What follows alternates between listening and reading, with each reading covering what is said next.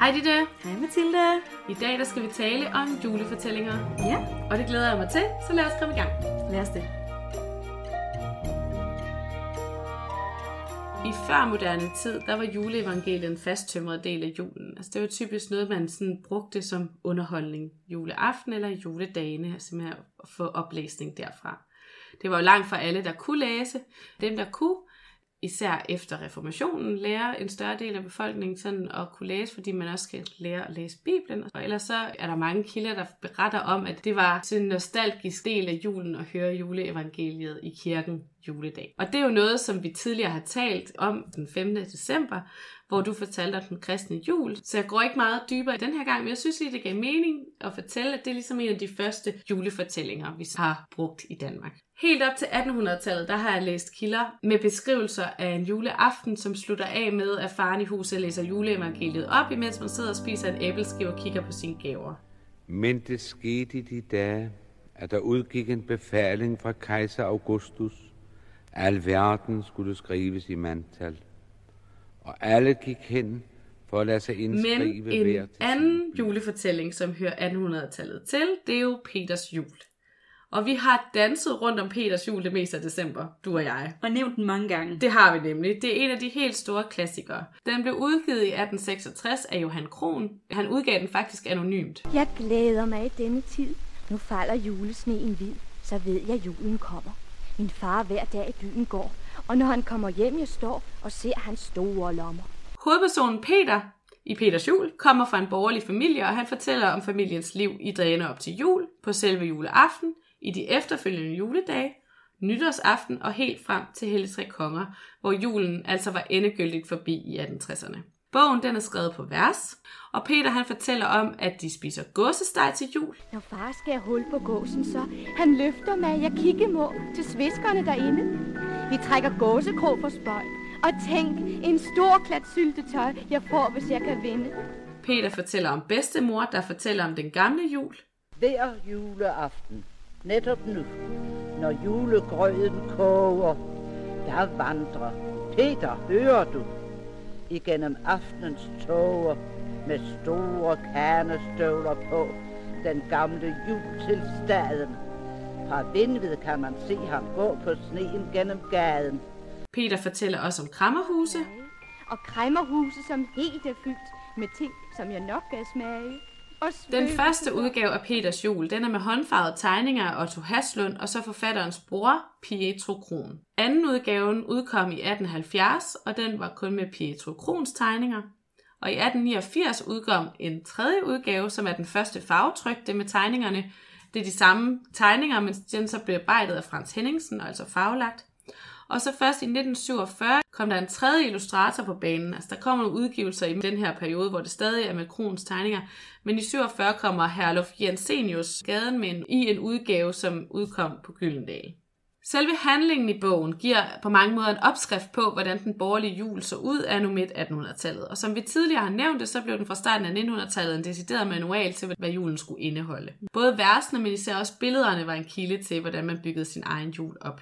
Og det så vi jo også i afsnittet om julepynten, hvor at øh, julehjertet det først kommer ind i en senere udgave af, af Ja, i- Peters jul. I starten af 1900-tallet, ikke? Jo, præcis. Ja. Og så til at starte med, så var det honninghjerter, der hang på træet, og så går man altså over til, at øh, man viser billeder af de flettede julehjerter. Ja. Ja, lige præcis. Det kan man jo gå tilbage og høre om i julepyntsafsnittet, hvis man har lyst til at vide mere om det. Det kan man. Det var i afsnit 9 om julepynt.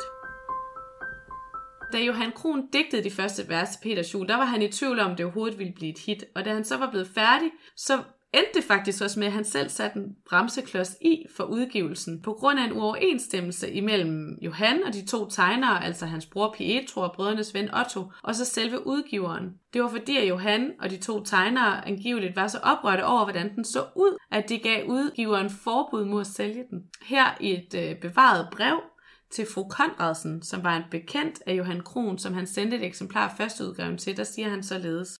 Men i julen er det en travl tid for litograferne, og derfor kom bogen i hænderne på et rigtigt svin, undskyld udtrykket, af en litograf. Da vi kom op for at se værket, var vi nær besvimet alle tre over det, vi så. Bogen var ødelagt, fortegnet, formalet, trygt og indbundet som en toskillingsbog. Kort og godt, dens kælderudseende gjorde, at vi nedlagde protest og nægtede, at bogen måtte se dagens lys i den kostume. Jeg er chokeret. Det er da sikkert... Er det ikke voldsomme ord? Han er meget utilfreds. Han er meget utilfreds. Og senere i brevet, der gav Johan Kron for Konradsen det gode råd, at hun gør klogt i at gemme bogen i den brændende kakkelovn eller på bunden af en dyb skuffe. Så det var ikke ligefrem opskriften på den succes, han havde håbet på. Men så kommer han på bedre tanker, da det så alligevel blev en succes.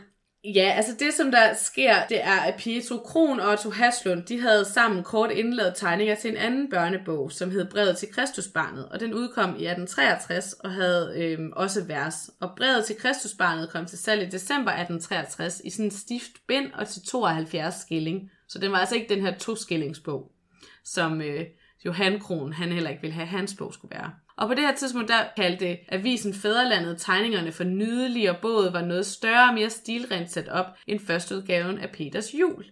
Og det kan have været noget af det, som trækløveren reagerede på, at det, det bliver ligesom sammenlignet med den bog, som tegnerne allerede havde lavet, og så bliver den nedgjort. Okay, no, okay, så fordi den var ikke lige så fin som den anden bog, så Nej. var man ikke helt tilfreds med... Og så på grund af ophavsmændenes øh, modvilje mod den, så blev bogen lagt på lager efter trykning. Men året efter gik forlæggeren falit, og brødrene Kron og Otto Haslund gav ham så lov til at sælge oplaget til julen i 1866. Og bogen kom på gaden til en pris på 24 skilling. Og selvom ophavsmændene her de grimmede sig over bogen, så fik Peters jul jo rosende omtale. Og ser man bogen med nutidige øjne, så er der også faktisk noget moderne over det. Bogens form er ret usædvanlig for det tidspunkt. Så var der den gamle jul på. Ja, altså på forsiden, der så man ham forfra, og på bagsiden så man ham bagfra. Ja, det og så var nemlig den sådan lavet i en sjov form, udenom hans silhuet. Ja, og så den grøn. Ja, Ja. Første udgaven af Peters jul er i dag meget sjælden. Det er dog uvist, hvor stor det oprindelige oplag var. Bogen den blev ikke udsolgt i julen 1866, og den kom i handlen igen året efter, hvor den igen blev modtaget rigtig positivt. Anden udgaven af Peters jul, den blev igen anmeldt positivt og fik meget ros. Åh, hvor fint. Ja. Men har de så lavet øh, formatet om, så det bliver sådan en regulær firkantet bog i stedet for? Ja, altså anden udgaven, det er kun med tegninger af Pietro Kron, og de efterfølgende værker, det er en almindelig rektangulær bog. Også H.C. Andersen var begejstret for bogen, hvilket jeg synes, det må altså have været et klap på skulderen. Johan Kron havde sendt den til Andersen, og han svarede kort før jul i 1870, at de vil forstå, hvor meget glæde jeg føler ved at modtage Peters jul, og han roste bogen for, at dens tekst og billede sluttede sig så smukt sammen. Hold da op, sikkert er en ros. Men der er også en grund til, at det er blevet sådan en klassiker. Det er en rigtig fin bog.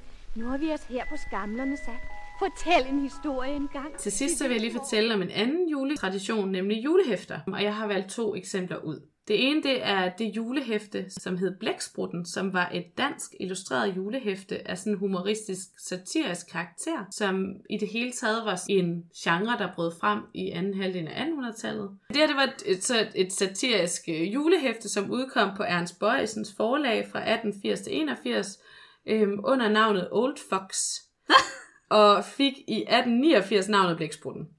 Og fra 1904 så blev det så udgivet fra Gyldendal, som også udgav det indtil de i 2014 altså besluttede at indstille udgivelsen på grund af faldende salg. I modsætning til Peters jul, så handler indholdet i julehæfter ikke nødvendigvis om julen, men det er noget, der udgives til jul. Okay. Så man kunne give det i julegave, eller man kunne læse det i juledagene. Og der er Blæksprutten altså et eksempel på sådan et julehæfte. Ja, nå. Dengang jeg arbejdede i den gamle by, og jeg var husmor i 1927, der havde vi blæksprutten liggende i det lille hus i Havbogade. Så der er måske nogen derude, der har set det i museumsudstillinger i anledning af julen ligge rundt omkring. Det er i hvert fald noget, man sådan forbinder med juledagene. I øh, Skanderborg, hvor jeg er fra, der var også et julehæfte i en årrække. Der udkom det første julehæfte, der hedder Jul i Skanderborg i 1942. Det blev til på frivillige kræfter, og hæfterne blev udgivet indtil 1951, og de handler heller ikke om julehistorier. Det er små fortællinger om Skanderborg i gamle dage, og så på forsiden, der fik man den lokale maler Peter Petersen til at male et sted i Skanderborg øh, dækket i sne. Og så var det et julehæfte, som man solgte til jul hvert år i den årrække. Og det passer jo rigtig fint i forhold til, at altså, julen er en tid, hvor at man har mange fortællinger, ikke? At, øh, Ja, at man har siddet og læst op ja, øhm, af, af et hæfte, eller siddet og læst sammen i et hæfte, fordi man på en eller anden måde også har haft tid til at være sammen i familien i juledagene. Så derfor havde man tid til at læse i sådan et hæfte.